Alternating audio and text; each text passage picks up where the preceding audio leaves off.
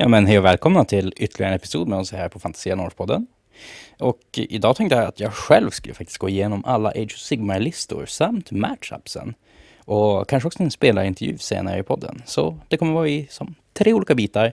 Först listor, matchups och sen en intervju. Så ni kan ju hoppa omkring lite grann i episoden beroende på vad ni är intresserade av. Sen tänkte jag bara påminna att eh, på måndag klockan 14 så kommer jag också streama en match från omgång 1 i Age of Sigmar. Och då är det Alexis som spelar mot Micke, så det är Stormcast mot Ogers. Eh, jag tänkte att vi egentligen bara hoppa rakt in i listor och passande nog så har vi Alexis först ut med sina Stormcast. Ja, vad kan man säga om den listan? Ehm, om det är en grej i nya editionen som är, börjar som komma fram allt mer är det faktiskt olika former av armor stack. Det vill säga att du tar en enhet som har skitbra save, det vill säga typ så 3 plus 2 plus liknande och stackar ner dem till att de alltid är på sin 2 plus save med att de ignorerar upp typ så här rend 1 rend 2 som är skitsvåra att ta igenom om du inte har Mortal Wounds. Och det kan ju definitivt se i den här listan. Vi har Yndrastra the Celestial Spear, en 3 plus hjälte med negate om inte jag helt fel. Hon är väl ganska bra i metad också, för hennes specialgrej är ju att hon är ganska bra mot monster i och med att hon tar sänker deras... Eh, att de räknas som att de har tagit 10 ons extra när de ska slåss. Nu finns det ju tyvärr en command ability i battlepacken som helt och hållet går runt den där, men det tvingar ju i alla fall motståndarna att använda command point. En Lord Imperant som är hans general med Staunch Defender och Amulet of Destiny. Det, det här betyder att han ger eh, plus ett i armor save till allting inom, jag tror att det är en 12 tums bubbla. Så som sagt, armor stackar ytterligare lite grann. Han har Amulet of Destiny som gör att han får 5 plus negate, så här vill Alexis förmodligen hålla vid liv den här snubben. Det är ju den här nya karaktären från grundlådan som gör så att man får en 7 tums bort deep strike istället för 9 tum på en enhet. Så han kan helt enkelt deep strika mycket närmare än vad vi skulle kunna. En Knight Heraldor som inte står vilken eh, flaggan har, men jag antar att det är teleportflaggan. Han har Arken Tome, så då får han ju tillgång till också um, Mystic Shield med den här pojken. Så ytterligare ett sätt att hitta plus ett armor. Han har Spellor Levitate och här har vi då kombon som jag tror att han vill deepstrika någonting. Någon av sina dödsstjärnor. Han har ju bland annat en 10 Evocators i listan. Kasta Levitate på dem.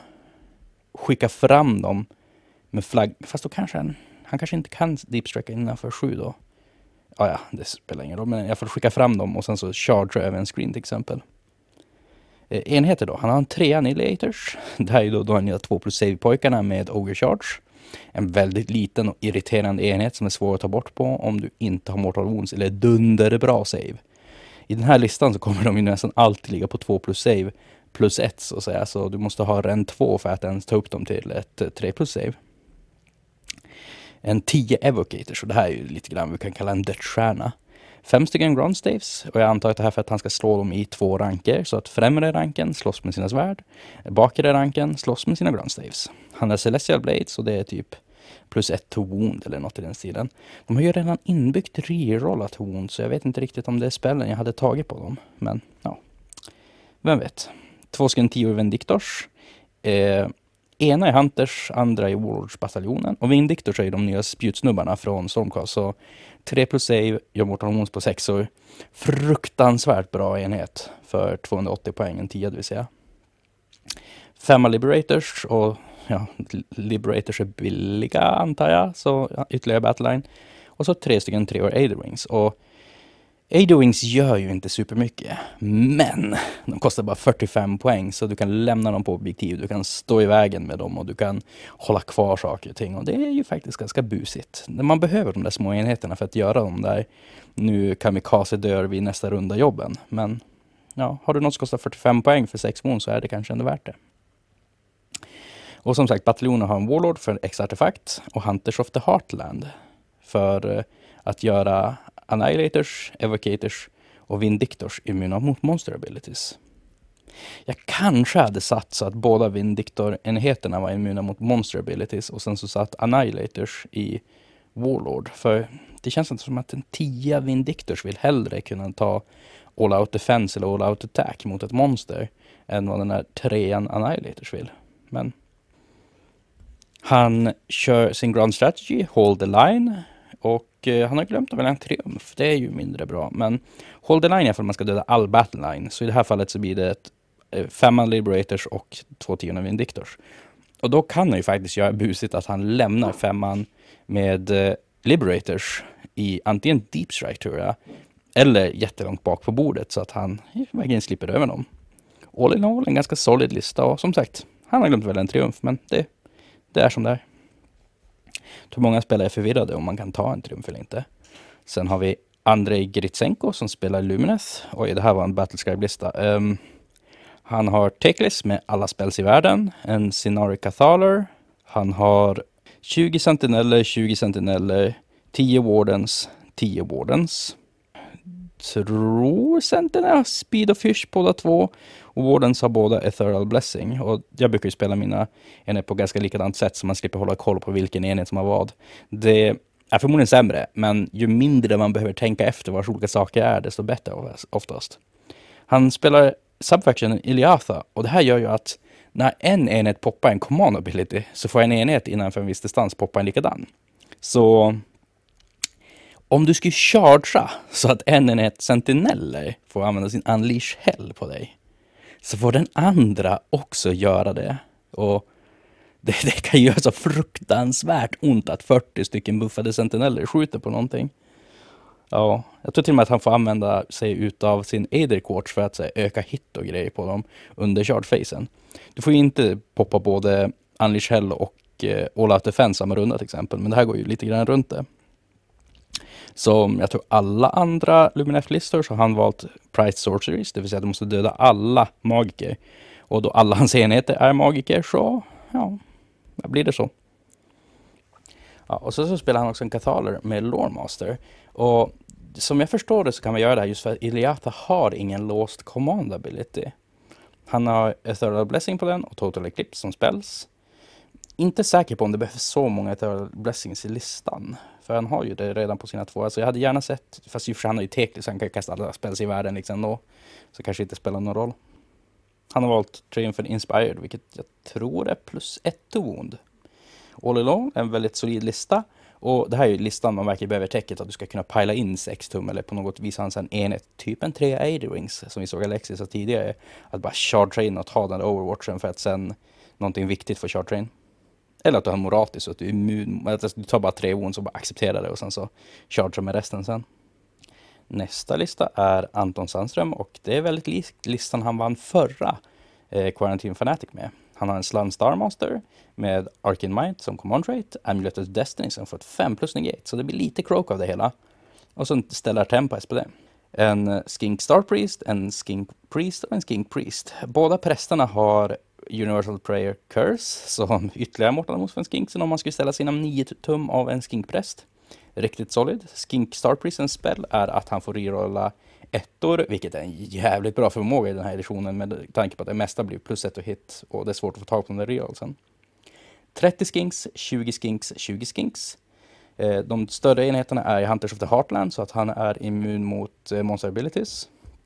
Han har eh, tre stycken Terradons i Vanguard. Han har fem stycken Chameleon Skinks, fem stycken Chameleon Skinks, fem stycken Chameleon Skinks i Warlord. Och sen så en två salamandrar i Hunters of the Heartland. Och sen en etta salamandrar i Vanguard. Samt så har han en Emerald Lifeswarm. Det här kommer jag få huvudvärk av när man ska hålla koll på vilken enhet som är i vilken bataljon. Men jag tror Anton har koll på det hela. Och från Warlord i hans lista så har han valt en extra artefakt.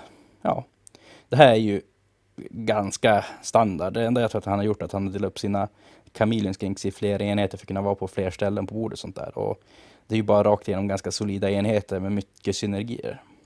Det jag kan se dock, vilket skulle kunna ta och sänka lite grann effektiviteten i den här listan, det är ju väl om hans ensamma Skink Star Priest skulle dö.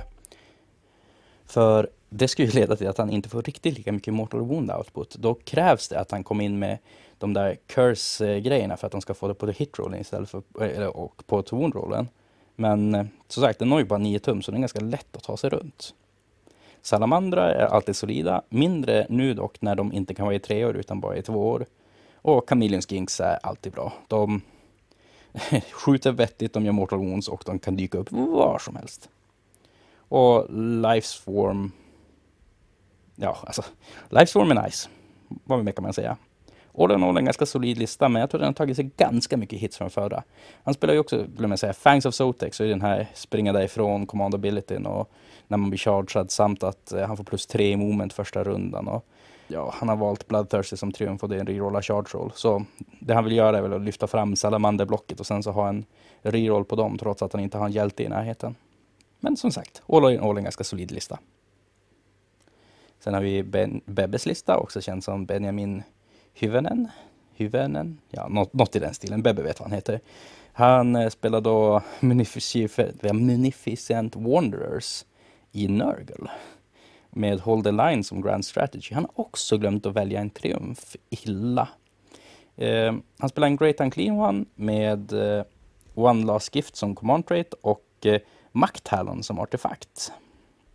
One last gift. If the unmodified hit roll for an attack made with a melee weapon targets a friendly Munificent Wanderer demon wholly within 12 of this general 6, that attacking unit suffers one mortal wound after all its attack has been resolved. Och det här är ju helt enkelt, slår du på honom och rullar sexor så tar du mortal wounds om du slår på någonting som innanför 12 av generalen. Problemet med den, den här editionen är att har du en annan ability att på sexor gör du andra saker, typ Luminef med Sun Metal-vapen, så kan du välja att den abilityn händer istället, så du kan gå helt och hållet runt den här.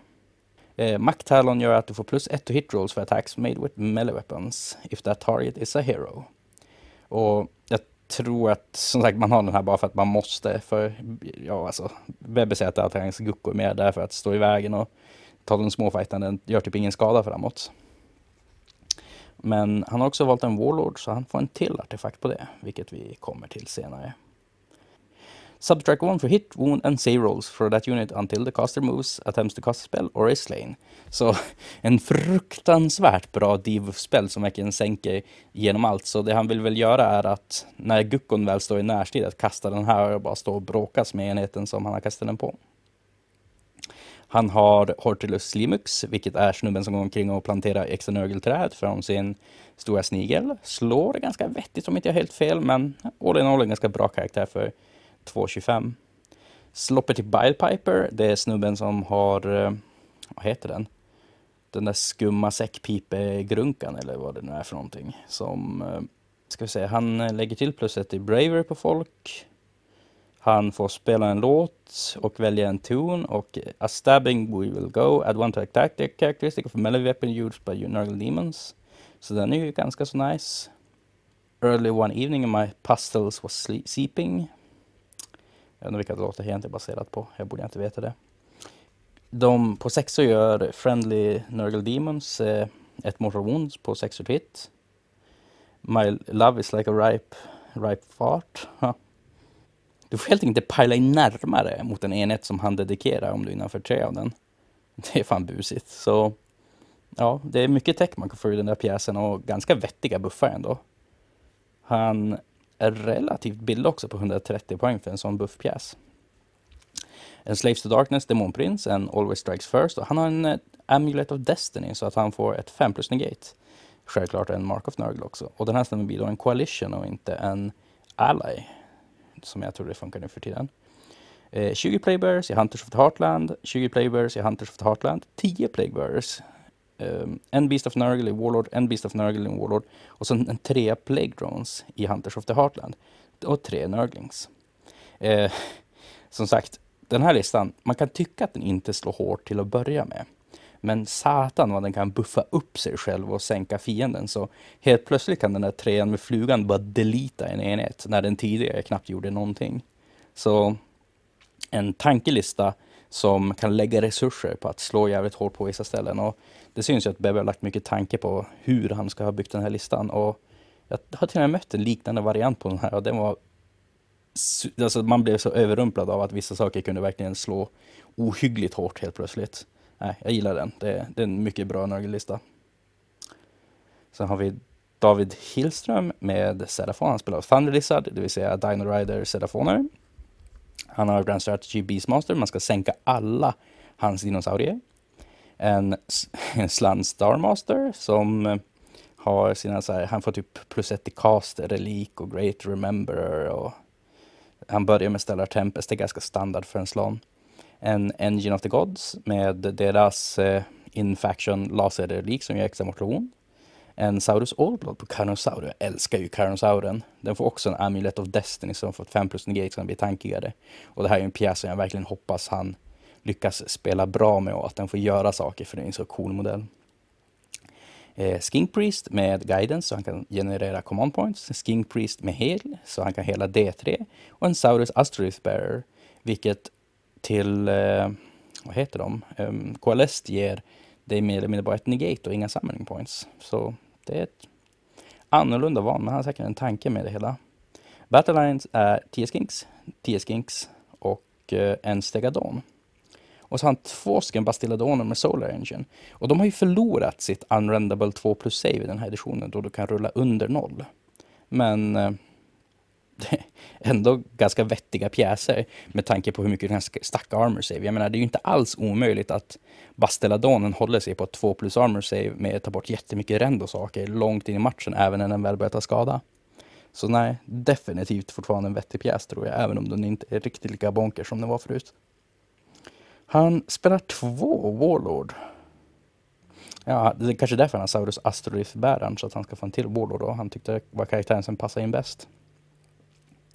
Ska vi se, då har han Itxil Grubbs, han har Fusil of Conflagration och uh, just det, Amulet eh, of eh, Destiny, vad den heter. Så jo, han har alla artefakter.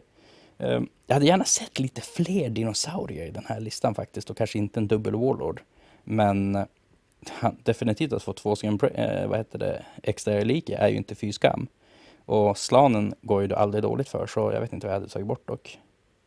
Ja, men som sagt, jag, jag hade velat säga mer dinosaurier bara för att det är som temat för listan. Men det funkar säkert bra den här också. Sen har vi Fredrik Seising med Nighthaunt den här gången. Han spelar ju den här nya faktionen Reiknors Condemned. Eh, som han har då en Reiknor the eh, Grimhaler i till att börja med. Han spelar en Spirit of Torment med Pendant of the Fell Wind. Kurdos Valentian, så han tar bort mycket command points med den här pojken, plus han slår ganska vettigt. En Guardian of Souls med Nightmare Lantern, det är ju den här magikern som är som lite generella med Spirit Rain. Knight of Shrouds som är Ethereal Steed som är Warlord och så har han Rule of the Spirit Host som Command Trait och Balefire Blade som eh, artefakt. Och eh, då ska vi snabbt innan vi går vidare kika exakt vad Rake Norse nämnd gör innan jag börjar ljuga för er.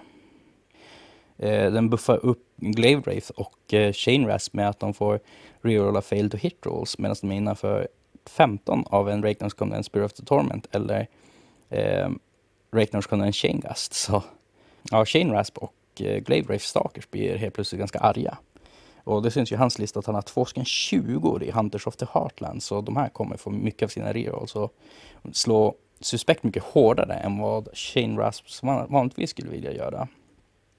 Reiknor är general som annars också.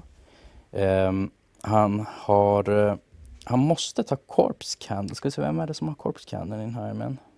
Balefire Blade på Knights of Shroud. Pendant of Fellwind på Spirit of Torment. Mm, han kanske har missat den. Jag ser inte att han har Corpse Candle på någon av sina karaktärer. Så nej, det måste jag nog kanske skriva att han måste fixa. Ja, men i vilket fall så det du också får från Rakenors Condemned att du får ta en Chain Sword eller en Glaive Rift Stalker och eh, välja en hjälte och så är du inom en viss distans från en hjälte så får du plus 6 till den, deras move-karaktäristik till, tills att end of the face. Så de blir toksnabba. Och som sagt den där 20 kan bara poppa fram med plus miljarder moment. Om ni vill ha en bättre rundown för hela den här saken så tog jag och eh, snackade med Jesper Melander om det i, jag tror det är Bellacore-boken. Så den poddepisoden ligger fortfarande uppe om ni scrollar lite grann och då snackar vi igenom det lite mer noggrant. Han har nya Spirit Hosts. Det är ju de här pojkarna som kom i End Times här för mig. Som har tre, fyra wounds per skalle. Så nio stycken har jättemycket wounds. Och gör också som sagt mortal wounds när de slår. Vilket är jävligt bra i det här metat. Två stycken Chaingasts. Det är snubbarna som håller på att virvla omkring med sina kedjor om inte jag har helt fel. Som gör buffar tillsammans med eh, eh Spirit of Torment. Och så förlänger hans buff och saker. Så de är riktigt bra. Blade Guys Revenants, det är Claymore-snubbarna. Han har två stycken tio sådana och de kan ju deep-strika i Nighthaunt och komma in och slå riktigt hårt. Det man måste komma ihåg är ju att Nighton både flyger så de kan chargea över screens om de tar, tar sig långt. Han har Chronomatic Cogs för att förlänga deras charge. Och rullar han 10 eller mer får han slå en gång at the end of the charge phase. Eller är det att de slår på, de slår på en gång, precis. Så rullar han långt så får han slå flera gånger. Och det är ganska jäkla bra. Så definitivt att man vill dispella cogsen och screena riktigt bra med tanke på att de här kan få slå dubbelt och pila dubbelt. Men också att de kan hoppa över screens tack vare att de har eh, fly på sig. Så en snabb armé, mycket tech i sig. Men som sagt att han har gjort fel på... Är det bara jag som har missat den någonstans? Jag tror inte det. Han har Pendant of the Fellwind och Balefire Blade. Så nej, han måste han fixa till nästa omgång tror jag. Ja, jag kan också nämna att han har Hold the Line som Grand Strategy och det är att man ska döda alla hans battle line. Nästa efter det så har vi, oj, Henrik Gunillasson, det är min lista.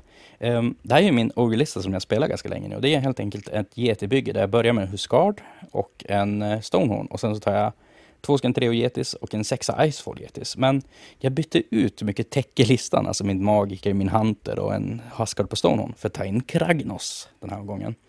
Och det är ju mest för att jag är eh, skraj för alla Alariel och Mega Gargants och Archegons man kanske möter. Och jag har ju faktiskt spelat min första match som jag kommer ha en liten intervju med i slutet av den här podden som ni kan ta och lyssna på.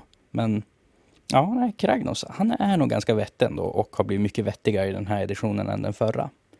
Men jag är inte superförtjust i att saker ska kunna göra så mycket Mortal Wounds, men vad är det man säger? When in Rome. Eh, mina getis är i Hunters of the Heartland, vilket betyder att alla getis är immuna mot eh, monster abilities, vilket är nice för jag får en, i min subfaction en command ability som säger att getis får always strikes first om jag vill. Vilket gör att de kan göra jättemycket bus med sin sextum pilin. De är så här oförväntat snabba, för de får också run and charge nära en haskard. Så de kan ju ta sig så 14 tum och sen chargea och sen pila 6 tum i sin runda. Den här 16 pilen kan man också göra mycket bus med. Du behöver faktiskt inte pila in i kombat med den, utan du kan säga typ skifta om din screen lite grann och hålla på helt enkelt. Går din motståndare lite för nära så kan du spendera ett poäng för redeploy och sen så helt plötsligt kan du pila med dem och grejer. Du kan springa så du är precis utanför tre tummar av din fiende och slå med något annat först och sen pila en getis, för din motståndare var inte innanför tre av dem så får de inte pila. Mycket bus helt enkelt. Och sen som sagt, Frostlorden på Stonehorn är kanske bland de bättre hero-monstren i spelet, ska jag våga påstå. Han får mount metal cruncher, så han är bra på att sänka saker med bra armor. Till och med mer vettigt i det här metat, skulle jag säga. Där armor stacking verkar vara en grej. Och som sagt, en Huskard på Stonehorn som är min enda Unleash Hell-pjäs i hela den här listan. Command Trait för att ge alla getis och katter plus ett på sina True Rolls. Och en prayer som säger plus i moment på ett monster, vilket kommer typ alltid vara Frostlorden, så han får 17 tums moment och kan löpa över bordet och slänga sig in i combat. Ja, det är väl typ det. Jag saknar också 60 poäng i min lista, så jag får ju nästan alltid min, eh, vad heter det, min eh, triumf som är Bloodthirsty. Eh, min Grand Strategy är Beastmaster, så man måste sänka alla mina monster, det vill säga Frostlorden på Stonehorn, Huskarden på Stonehorn och eh, Kragnos The End of Empires för att faktiskt ta ihjäl saker i min lista. ta ihjäl saker i min lista för att, ta poäng, för att hindra att jag tar poäng i min, med min lista. Next up så har vi Almar Edlund. Hjalmar, Ed, Almar, jag kan inte prata väl. Hjalmar Edlund. Han spelar då en, eh, ska vi säga, han spelar Big Wag med Hold the Line som man ska döda alla hans battleline. Han har också glömt bort att välja en triumf. Jag undrar om det är dåligt skrivet i grundreglerna att man ska välja en triumf eller inte. Men i vilket fall, Big Wags, han vill ju samla Wag Points. Och han börjar det med, genom att ha två stycken War Chanters. Så det är plus två Wag Points till den här tabellen, bara det. En Megaboss på Mocrusha Respect, i Battle Regiment. Uh, en, uh, den har Metal Reapers Claw, han får bättre rend. Och sen har han Mean One som Mount Rate, så den slår lite bättre. En Orc Weirdnob Shaman in command. Han har Great Big Green Hand of Orc of, Orc of Gork så han får göra sin teleport och ställa någonting utanför 9 tum. Och ja, det kan vara vad som helst som har Iron Jaw keyword, så det vill säga ingen Savage Orcs eller något sånt där. Han har en Orc, orc Megaboss till fots. Um, som har command trait Ironclad, så han blir tankigare. Han hade Arken Tome och så Levitate, så han vill ju också ta kastaren på saker och ting för att sen kunna hoppa över screens. Så busigt. Eh, Battleline har han tre stycken Orc Gorgrantas, tre stycken Orc Gorgrantas, eh, fem stycken Orc Brutes, fem stycken Orc Brutes och sen 20 stycken Savage Orcs. Så Savage Orcs är jättebra i Big Wag just för de räknar ju till Orux varje gång du använder dig utav command abilityn för att samla poäng i, till eh, vad heter Wag Points i Big Wag. Så 20 där, det är både bra screen och bra för att få poäng till Big Wag abilityn. Så nej, definitivt. Formationen så spelar han Battle Regiment för att dra ner sina drops, men också Command Entourage för att ta in en extra artefakt. Han spelar 19-15 poäng, så det är synd att inte har valt en triumf, han skulle ju typ nästan alltid få den. Jag tror att han... Det är ingen annan som spelar med 85 poäng för lite. Hmm. Ja, nej, han väljer en triumf. Det ska man göra i den här editionen. All in all så verkar han ha en, två, tre, fyra, fem. Alla hans enheter är i Battle eh, Regiment. Eh, så, så har han en två stycken i eh, eh, Battle Regiment, så det är ett dropp. Och så har han tre stycken utanför, så han har ett fyra dropp i sin lista, vilket känns ganska vettigt. Han verkar vilja bestämma vem som får första rundan eller inte. Så har vi Ingvar Widerlund, en till eh, Luminef-lista. Han eh, spelar Lumineth, eh, Alumnia Karantän Fanatic. Så han spelar Alumnia, den här nya Tyron-faktionen. Eh, han har också Priced Sorcery. Det känns som ganska standard för Lumineth att ha som Grand Strategy, det vill säga att man ska döda alla hans magiker. Han spelar också Teklis, vilket känns ganska standard för turneringslistor. En Sinarica Cathaler i Vanguard med Burning Gaze och eh, Waystone som artefakt. Det måste jag kolla vad det gör för någonting faktiskt. Vi kan ju börja med Alumnia. Um, After setup får tre stycken Vanari eller Alumnia Sinari unit make a normal move but cannot run. Så helt enkelt flytta fram dem ganska rejält. Och jag antar att han kommer göra det med stora block med Wardens. Eh, command ability sees momentum. Ah, du kan göra en run and charge med en enhet, det är också busigt. Ska se Burning Gaze Command Trait. Pick one enemy unit at start of combat phase within three of the general. On a two plus that enemy unit suffers one more. Jo, det, det känns som att han måste ta den på katalen och det är det enda skälet till att han har den. Eh, uh, Waystone, once per battle in moon phase, instead of making a normal move to bury, can pick a point on the battlefield within 12 of them. If you do, remove that, yada yada. Eh, du kan sätta upp dem innanför en andra punkter men uh, more than three away from enemy units. Så det är helt enkelt att han kan teleportera den.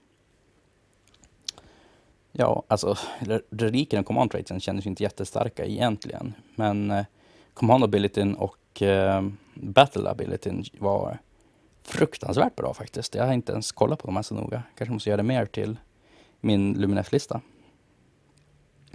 Men i vilket fall så spelar han eh, också 10 stycken sentineller, 10 stycken Dawn Riders, 20 Wardens och 20 Wardens, allting i Vanguard. Så det här är ju till skillnad från eh, den andra Luminef-listan som var en Unleash Hell-lista, så är det här en nu springer vi snabbt över bordet-lista. Så eh, två enheter i rundan kommer ju kunna ta del utav eh, eh den här Vanguard abilityn, alltså att du tar dig fram eh, sexa på run move eller att du eh, eh rerollar charges. Så Ehm, det är busigt. Och som sagt, sen så också en spellportal, vilket Teklis kommer ta och kasta jätte, jättemycket arga saker igenom. All in all en väldigt solid lista som är ganska lik ändå Andrejs lista, men gör helt annorlunda grejer. Att han är mera framåt medan Andrejs är mera att vara defensiv och köra Andrejs hälsosaker. Sen så har vi Johan, eh, oj vad heter, ska vi säga, nu slarvar jag bort mig. Är det Johan nu? Jo precis, nu, sen så har vi Johan Häggbom med Sons of Behemoth. Var jävligt nära på att ta sig in i förra Karantän Fanaticsens topp 4 om inte jag har helt fel. Um, Sons of Behemoth fick ju sig en ganska rejäl buff i det här just att allting är monster, allting är heroes och uh, de kan spela fyra stycken storjättar om de så skulle vilja. Tyvärr så har ju både eh, vad heter de, Stomper Tribe och eh, Crusher Tribe blivit lite sämre. Men jag hoppas att de får några FAQ och saker som gör dem lite mera vettiga för den här editionen. Men i fall, han spelar en Gatebreaker Mega Gargant i Battle Regiment för att få Amulet of Destiny. Det är alltså en stor jätte då med eh, plus negate så den blir oerhört svår att sänka. Han spelar en Warstomper som är jätten som slår bättre ju fler modeller den slåss med. Förmodligen kanske den sämsta jätten, men jag tror inte han har råd med någon annan. Han har en Cracker Eater Mega Gargant som är general, så han spelar då alltså en Taker Tribe, så allting är värt mer kroppar på objektiven, vilket är också väldigt bra i den här editionen. Den är general och very acquisitive, så den får en extra lik. Han har valt Arken Tome här. Jag tror inte han får göra det. Han måste välja den, vad heter det, Gargant eh, eh, generella saker som gör någonting kostar. Alltså det är ju strunt samma och typ samma grej, men ändå. Det, eller gör den exakt samma sak? Jag ska kasta som att du vore en wizard eller att du blir till en wizard.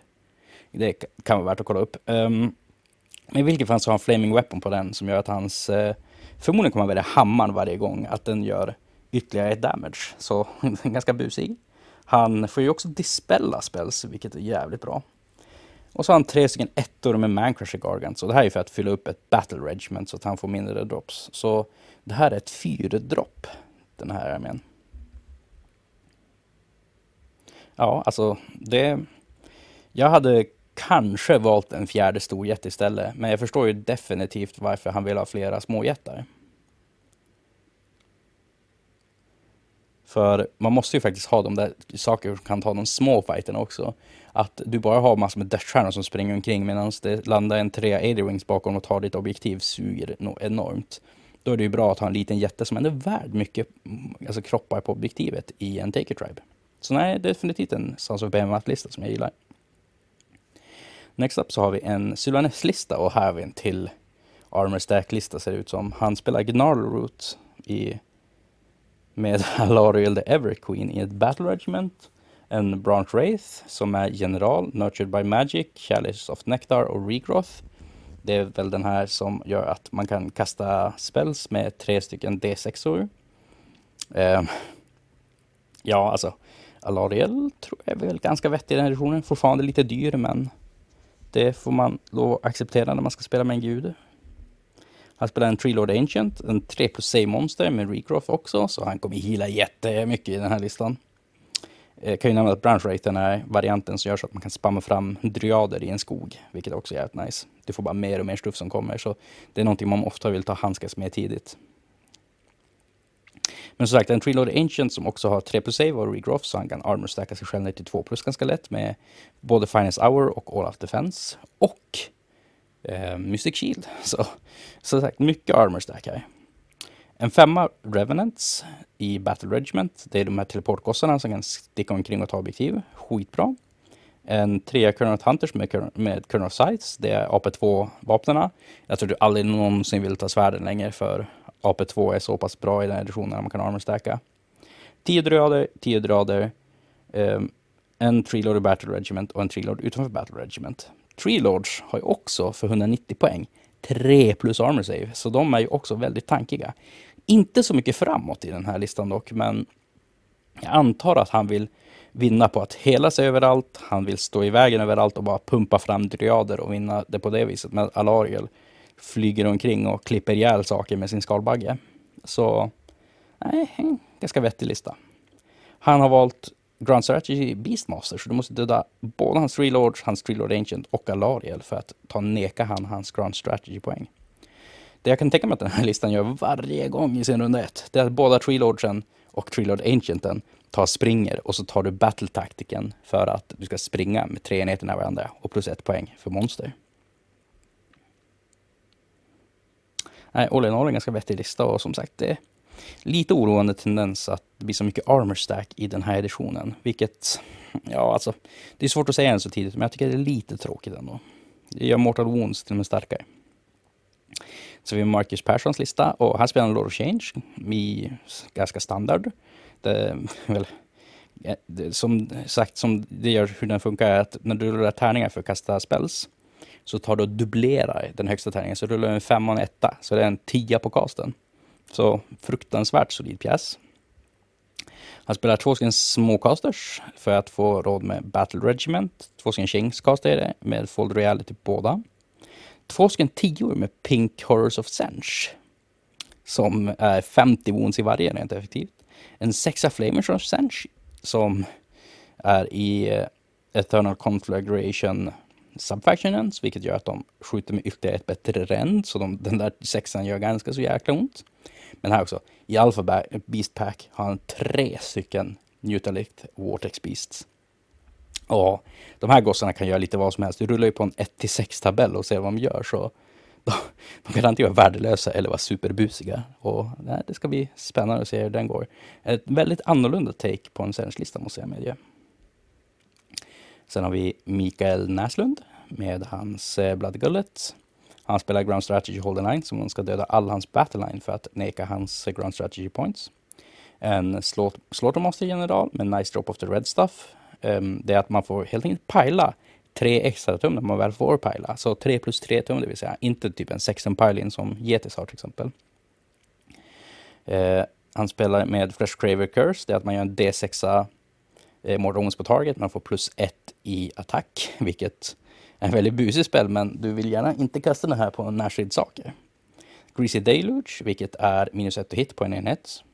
Han spelar en Butcher med Splatter Cleaver, så han gör skada så hela alla ogers innanför 12 tum tror jag är, en D3.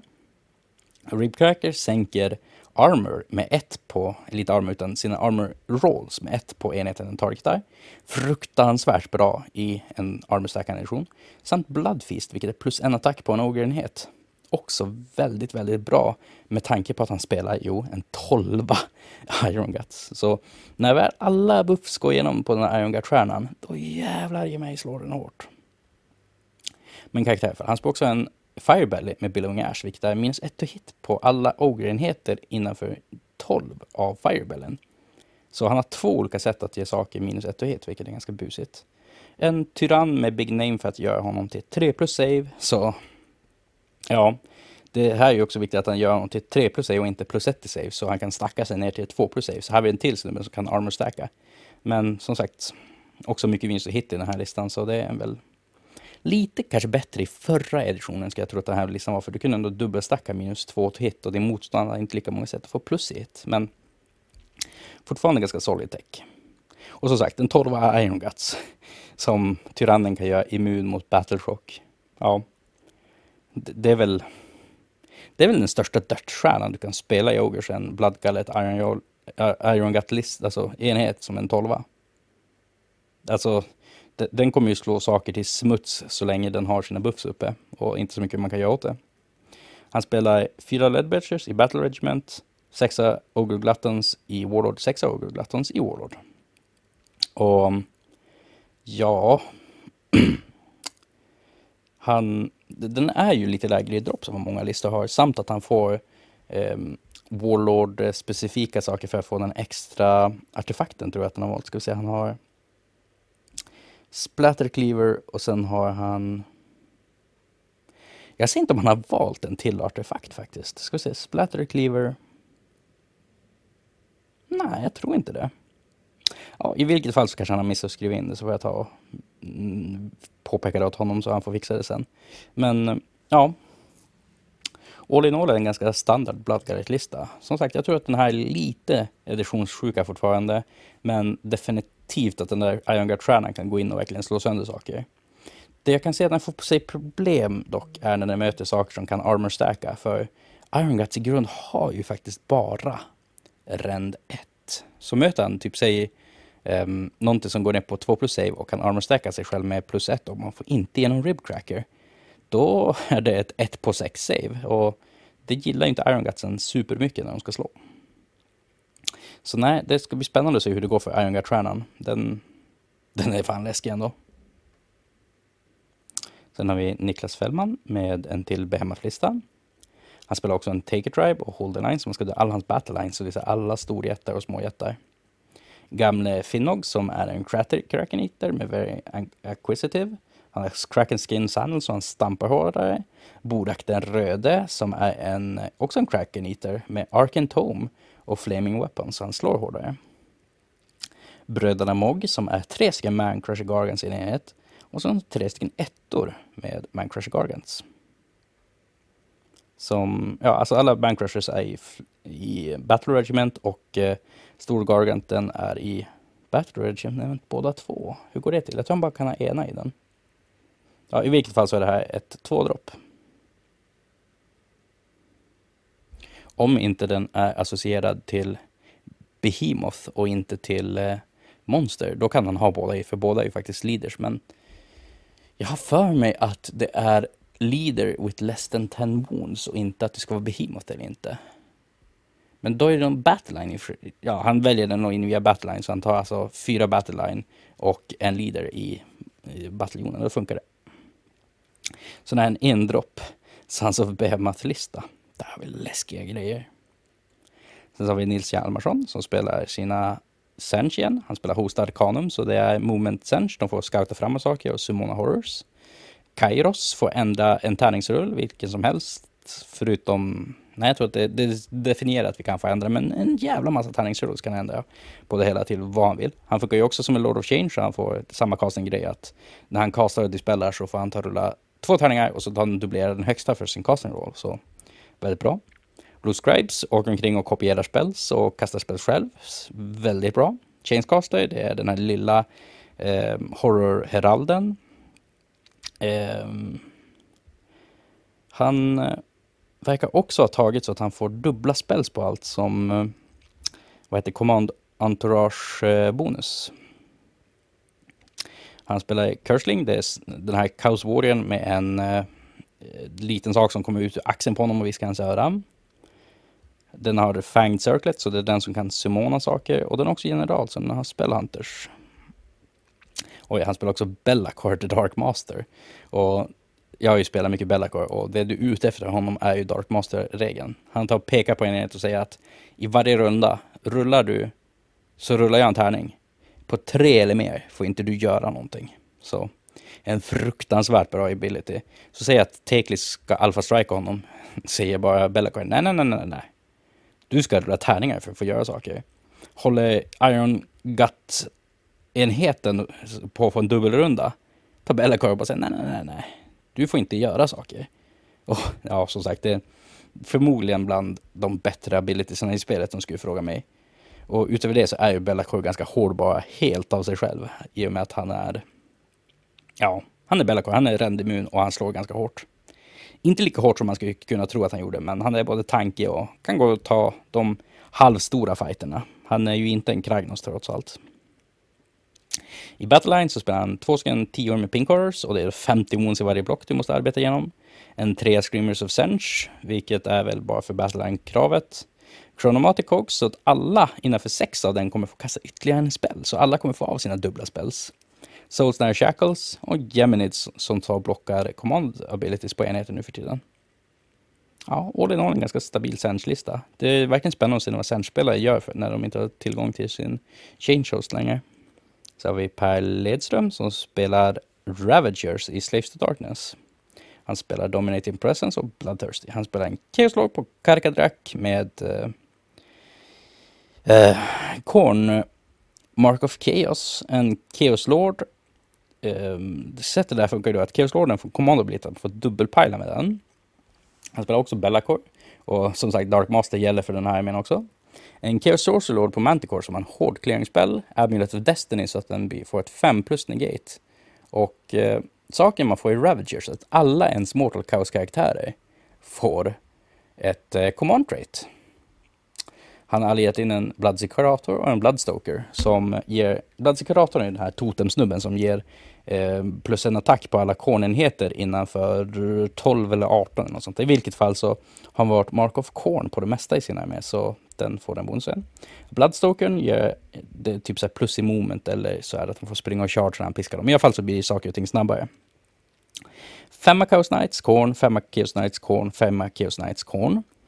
Chaos Knights slår fortfarande ganska hårt och med lansar får de en ganska vettig ränd också när de chartrar. En två Chaos Chariots med Great Blades som är undivided av någon anledning. Hmm. Ska bli spännande att se varför de är det. En Mindstealers-rank som är Lamakatten från Warcry. Och det man gör är att, mer eller mindre, jag orkar inte förklara bilden riktigt, men på motsvarande att på en 2 plus så gör du så att motståndaren innanför en viss distans slår sist. Eh, han spelar en dubbel Warlord och så, så har han bonusartefakter på det. Och han har valt eh, massa artefakter. Han hade Flames, ska säga Flames of Spite och eh, Mark of the High Favored på sin Karkadrak Lord. Han har Eternal Vendetta på sin vanliga Chaos Lord. Han har Master of Deception på Bellacore. Jag tror inte han får välja något på Bellacore, för Bellacore är ju en namngiven karaktär. Ja, det, jag, jag, tror det, för han får förmodligen inte välja något på Bellacore. I alla fall han har Amulet of Destiny och eh, The Favored of the Pantheon på sin Lord på Manticora. Ja, alltså det är väldigt mycket karaktär i den här listan. Det jag kan vara orolig över är att eh, utöver de här som 500 med Chaos Knight så har han inte så mycket punch. Så säg att han möter typ en Mega Gargant-lista så har han inte riktigt något sätt att ta ner en Mega Gargant på. Och ja, det känns som att i den här editionen är lite grann att du måste ta som tänka att hur dödar jag en megagargant på samma vis som i förra editionen, att hur dödar jag en Heartguard Berserkerstjärna till exempel. Ja, nej men som sagt, jag tycker att Bellacore är förmodligen bland de bästa karaktärerna i Kaos, eh, alltså all over så att säga, så länge man kan ta en in-faction på något vis. Och även utanför faction, för han är ju alltså en magiker och han är väldigt tankig. Han är kanske lite dyr som ally till många fraktioner och typ i mina Beasts of Chaos till exempel har jag börjat fundera om han faktiskt är värd det. Som sagt, du kan ju typ få så, typ så här, två gorgoner istället för honom och det, det, det börjar vara lite väl mycket man byter bort. Men på tal om Bellacor så har vi då Per Sigvalius som spelar Bellacors Chosen, det vill säga Legion of the First Prince. Han har Hold the Line som ska döda Allans Battleline för att ta, och ta bort hans Grand Strategy. Han spelar Bellacor med eh, sin egen Infaction spell. Han spelar Kairos med sin Infaction spell. En Slaves to Darkness, Demon Prince med Amulet of Destiny och Mark of Corn, så den får 5 plus en gate. The Contorted Epitome med Runus Aura som command traits och Fourfold Blade som artefakt och Flaming Weapon som universal spell. Det som händer då är, det problemet är att Fourfold Blade och Flaming Weapon säger emot lite varandra. För när du är en 5 plus till hit roll med den här så gör du D3 extra mortal wounds. Och det gör att du får slå mindre wound rolls, så Flaming Weapons. Det är de som motsäger lite varandra men den blir så här okaraktäristisk hård i närstrid för att vara en så lite caster slash buffpjäs. Och som sagt, han spelar Kairos. Jag älskar ju den här kombon att du kan spela Kairos med en kornblodtörstare. För att eh, då kan ju du chargea in med kornblodtörstan. Och sen när jag väl kommer till Woundrollen kan du göra en sexa med Kairos för att få eh, att eh, han gör fyra mortal wounds på allting i hela världen runt sig. Och hoppas på en sexa till så är det typ uppe i åtta. Ja, det är busigt. Som alla andra Sennerslistor än så länge så ser jag att de börjar med två stycken, fast det är ju inte en Sennerslista, en först en Bellacore-lista. Men i alla fall två stycken tior med Pink Horrors, en tia Plague Bears och en trea Nurglings. Eh, allt det här är i Battle Regiment förutom eh, eh, tre stycken av eh, karaktärerna och en enhet Pink Horrors så att de ska få sin ytterligare artefakt. Han spelar en Umbral Spell Portal så han kan kasta spells genom den och ja, det jag gillar ju som tanken också det här med hur man spelar Legion of the First Prince. Som sagt, Kairos med en blodtörstare är ju det, det är det coolaste man kan spela i den här, men det här funkar ju också ganska bra. Det du får i det hela är att Bella, eller generalen kan väl ta Sumona eh, på, om du rullar tre stycken D6 under 10, eller över 10 eller vad det är. Och det du kan ta fram är 10 till horrors, och 10 till horrors är ju 25 wounds extra. Så en fruktansvärt stark summon om så är det lite dåligt med skada i den här vän. jag hade gärna sett den där extra blodtörstan även om den inte riktigt gillar skyttearméer. Så kan den gå in och svinga tokjävla dunderhårt. Sen så har vi Ronja Andersson. Det här är då en Night lista också Reichnors Condemned, samma som Seising tog och spela. De här möter varandra till min första omgången tror jag. En Guardians of the Souls med Nightmare Lantern, Nightmare Lantern, så två stycken Guardians of Souls helt enkelt. Så det är de här två stycken generella magikerna. Den nya Krulgas Cruciatorn, som eh, den skyttenheten som tar lägger ut en buff om den lyckas ta, göra skada. En Knight of Shroud på Ethereal Steed som kan lägga till plus i attack på någonting med Corpse Candle. Ingen Reichnor i den här listan också. Det är inte någon sån dubbel Mortal Wound-grej med Corpse Candle och Reichnor, vilket hade så lite som temamässigt i alla fall. Men 10 stycken Blade Guys Revenants, 2 stycken Chain Gust, 2 stycken Chain Gusts, 30 stycken Chain Rasp, 10 stycken Chain Rasp, tio stycken Hexrafe, det är de här gamla ryttarpojkarna. Och så, så här, två stycken Black Coach i Alpha Pack. Och ja, han spelar ju både Warlord, Alpha Pack och Vanguard, så han får extra eh, 6 tum Run Moves och extra eh, Rerolla Charge en gång i spelet. Han tar en extra artefakt via Warlord och Alpha Back Beast Pack är att han kan ta scouta fram saker och ting. Och det är ganska busigt. Black Coaches, jag tror att jag det, det, är första gången jag ser något live i den här listan faktiskt och eh, det ska bli jättespännande att se vad de faktiskt kan göra för någonting för det känns som att man aldrig såg de här spelas. Det kanske blir min grej i den här editionen, vem vet? Och ja, alltså då jag kunde ändå förstå ungefär lite grann vad den förra listan gjorde så är den här ett mysterium och det ska bli jättespännande att se vad den faktiskt gör för någonting om vi möts under turneringen. Nej, det är definitivt att bygga någonting eget och unikt. Sen så har vi Theodor Persson med eh, Soulbright Gravelords och det här är ju Kaosmannen själv. Inte Kaosmannen, men vi brukar säga att han har kaotisk energi för han gör alltid jätteskumma saker. Han tog ju sig in med Squigs i topp 4 senast till exempel. Och han spelar ju då sin Vrykos-dynasti med Hold the Line som grand strategy, det vill säga att du ska ha kvar Battle Line i slutet av matchen. Eh, Radukar the Beast eh, fighty vampyrlord på 60 bas. Belladama Volga, en rätt vettig magiker som kan ta och göra saker till vargar i din enhet, så du står låst i närtid. En Mengorian Lord, en supertanky karaktär som sänker en med ett runt sig. En Necromancer som kan debuffa med massa stuff. En White King och en Skeletal Steed som är general, King of the Wolf, Arken Tome, så den kan kasta spells. Och den kan då kasta Ghost Mist och Levitate. Um, han har också valt i sin Warlord-bataljon extra spel, så allting har två spels per skalle. Eh, 10 Skeletons, 10 Direwolves, 20 Graveguard, 5 Blood Knights och 6 stycken Rikos Bloodborne. Och Rikos Bloodborne, det är de här skumma små vampyrerna från eh, Curse City. Han spelar dem, Blood Knightsen och eh, 20 Graveguards i Hunters of the Heartland, så de är immuna mot eh, monster abilities. Ja, det... Som alltid med Theodor så I did it my way borde han vara hans themesång och det här är verkligen inget annorlunda på det. Jag gillar både Radukar, Belladama och Vengorian Lorden men sen i Battleline så känns det att den är lite tunn. Både att Rikos Bloodborne, som sagt jag hade hellre tagit ytterligare en femma Blood Knights för det Blood Knights gör att de får en retreat and charge förmåga samt de kan springa igenom enheter och grejer som är så fruktansvärt bra. Men eh, tydligen så har Bloodborne funkat ganska bra för Theodor och eh, jag står väl för att bli motbevisad för det hela. Um, som sagt, dubbla spells på allting är också ganska busigt. Han kan ju då ta typ så här Flaming Weapon på sin Vingorian Lord, så han faktiskt kan gå in och svinga ganska hårt. Och båda debuff spelsen har jag för mig att det är på hans Necromancer, som i och för sig vill kasta Dan Vanhels Dans Macabre också. Um, ja.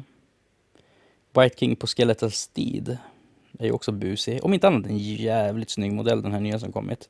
Och sen Radukar går ju faktiskt in och är ganska busig. Det han kan göra är att han kan ju summona, jag tror att det är fem vargar med King of the Wolf och sen tio vargar med Radukar. Samt att Belladama kan göra motståndarens modeller till vargar. Så det blir mycket lykantropi spridd i den här listan. Och så får han lite bonuspengar också för att den vargar med och jag är svag för sådana. Ja, nej. Visa din kaotiska energi i det här Theodor och kom in i topp 4 igen. En eh, till ganska vettig spelare som kanske många sett på krigslunten är ju Tim Ehrensköld. Han spelar återigen sin eh, Eastcorn-lista. Han spelar Baleful Lords som är då en Host of Chaos, alltså en subfaction för dem. Beastmaster som eh, eh Grand Strategy, det vill säga att du ska döda alla blodtörstare. Återigen så har han inte heller valt en triumf. Han har i alla fall en blodtörstare of Innocent, Innocent Rage som sin första. Den har Thirst for Carnage. Jag ska snabbt kolla bara vad Baleful Lords gör för någonting så att jag inte svamlar. Du får ta en ytterligare Behemoth. Så det är fem blodtörstar helt enkelt. Du får slåss som att du är oskadd, så kan du använda den här både på en och den gura billigt. Man har alltså två blodtörstar i rundan kan slåss som att de är oskadda. Uh, Thirst for Carnage är plus ett och charge roll for friendly bloodthirsters within eight of the generals. And Black Brass Crown add one to save rolls for that attacks the target the bearer. Uh, den här har också Halo of Blood. Måste jag kanske också kolla vad den gör så att jag inte svamlar. Hmm. Halo of Blood är en Bloodlords artefakt. Här har det blivit fel tror jag. För han spelar Bloodlords som Subfaction Host of Chaos. När han spelar Bloodlords, det, det är typ, vad heter det, som vilken... Det är två stycken, just ja, så är det. Du spelar först en Slaughterhost och så kan du välja en Subfaction inuti Slaughterhosten, just ja. Så han spelar alltså Baleful Lords och så spelar han också Bloodlords. Så vad får man för en Bloodlords är då den stora frågan. Eh, Reroll one får jag, ja, det är inte så viktigt. Heal one wound. Och Slaughterers Thirst har han inte heller, så den spelar ingen roll. Fast vänta, alla har ju en command trait. Jag måste kolla hur det här funkar. I alla fall Hail of Blood. Du slåss at the start of combat phase with that unit. Ja, precis. Du, det, han slåss först helt enkelt med den. Och sen så spelar han Baleful Lords. Och så Thirst of Carnage. Det, det, det, det. Okej, jag måste medge, jag vet inte hur han får Thirst of Carnage på alla sidor. Det kan vara ett copy-paste error eller något sånt där. Men i vilket fall så har han eh, en, två, tre, fyra, fyra stycken blodtörstare med Thirst of Carnage. Alla innocent, isen, insensate rage. Och så har han en general också som har artefakt Halo of Blood som gör så att den slår först. Och sen så tre stycken femmor fleshhounds och en slaughter priest med eh, summoning prayern.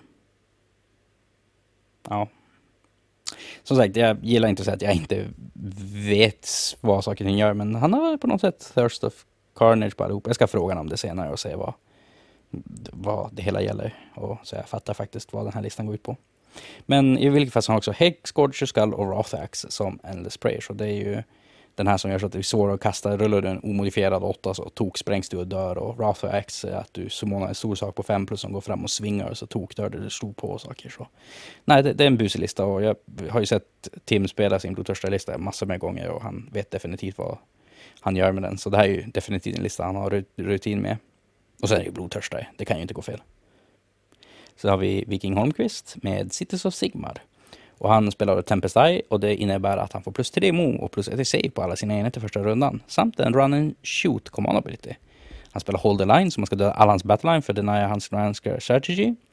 En Warden King i Warlord som har AD Captain för att rulla charges nära honom. Sephirite Banner. Det är också någonting med charges att göra. En Runelord som är adjutant till Warden King som kan ge en extra command points som har Scripture Heal.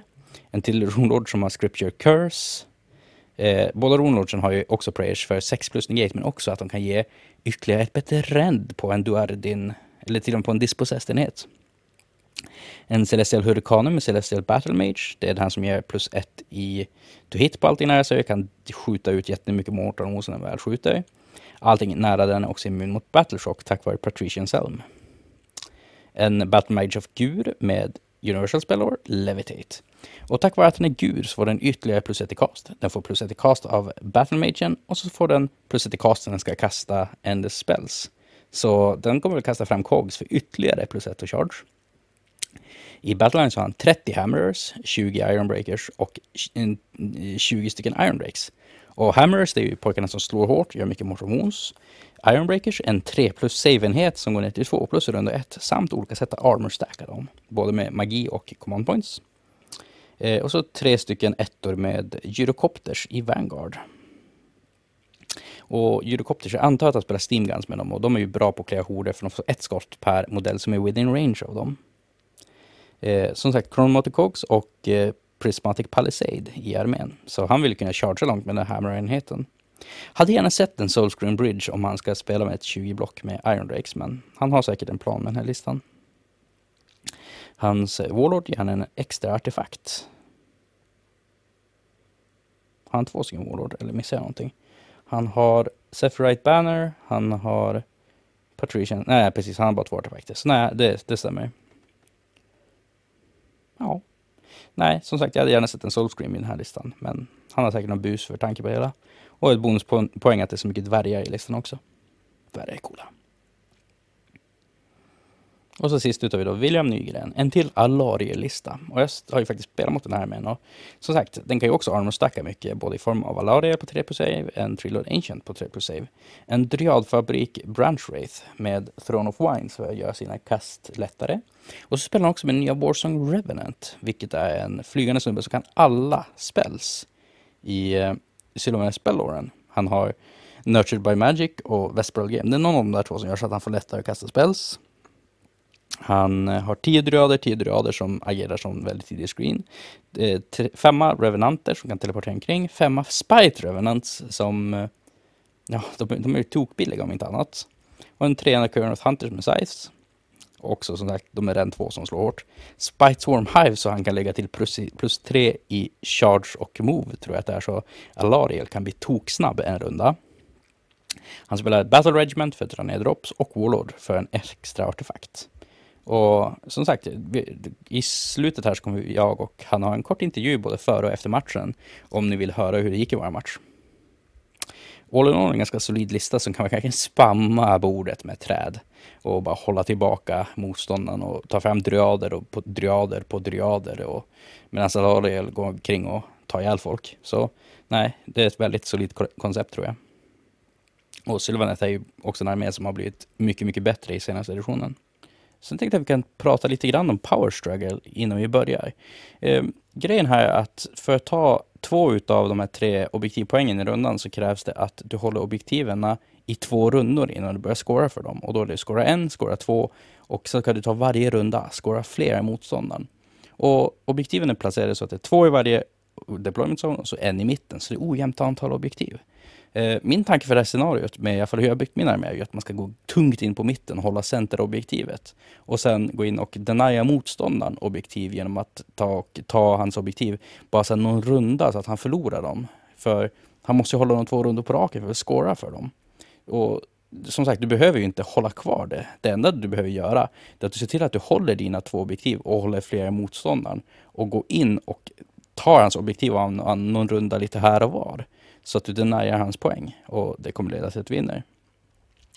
Det är också mycket viktigt att du har saker som kan hålla dina backline-objektiv från typ så här, de här teleporterande enheterna såsom Tree Revenants och Shadow Warriors och Canine Shadow och, och, och, och, så, och så vidare helt enkelt. Nu tror jag i och för sig det är bara Tree Revenants i den här turneringen, men ni förstår vilken sort av enhet jag menar.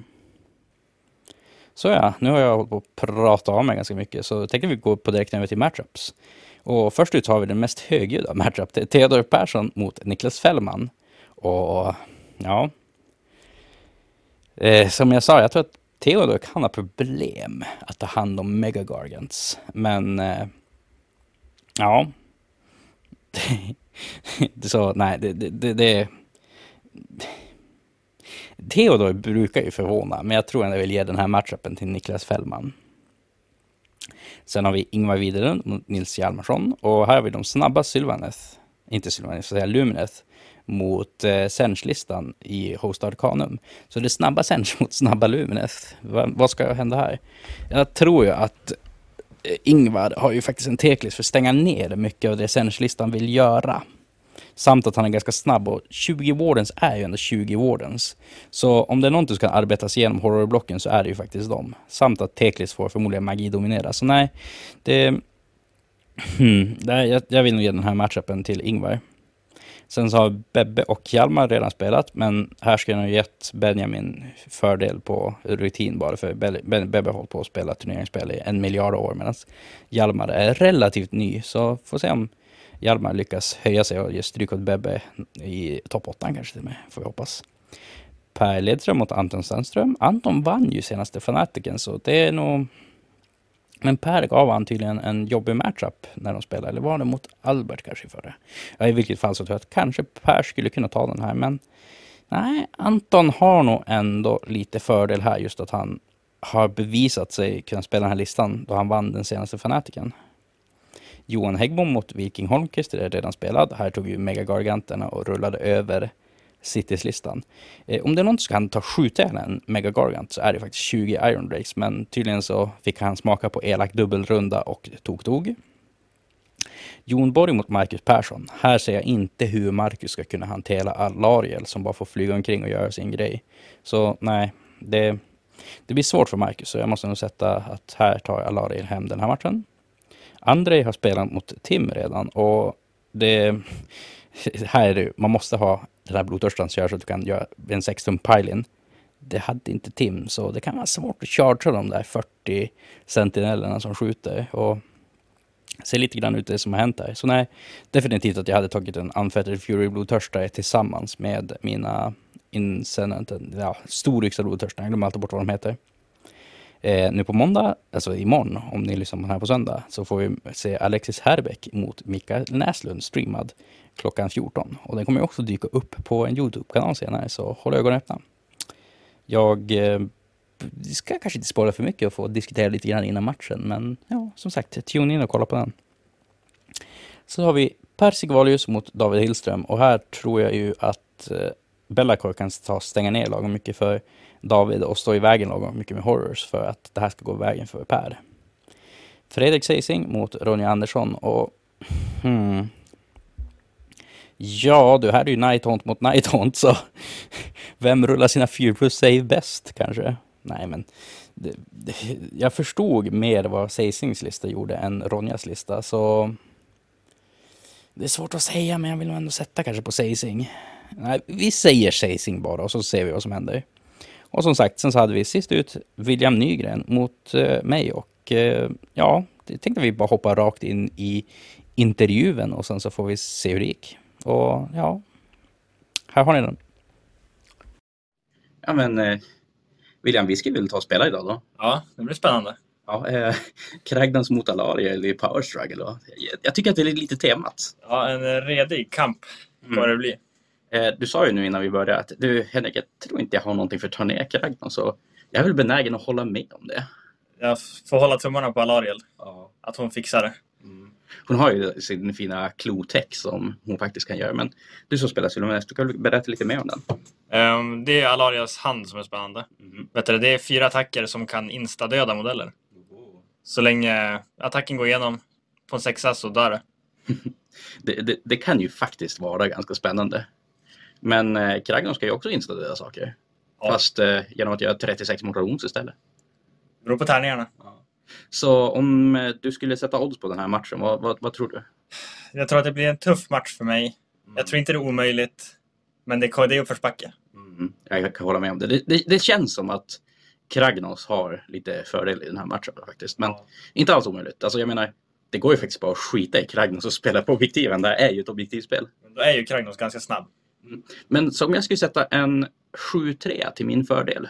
Ungefär så. Mm. Men eh, vi vet ju alla att du är en gud på att spela så du kommer fixa det här. Eh, Powerstrike i alla fall. Krångligt objektiv. Ja. Du tar ett poäng om du håller två stycken objektiv i två rundor på raken. Ett poäng om eh, du håller fler objektiv än motståndaren. Så man ska ju ändå hålla objektiv här. Och min lista har ju plockat bort mycket av objektivhållartäcket för att få in en Kragnos. Så...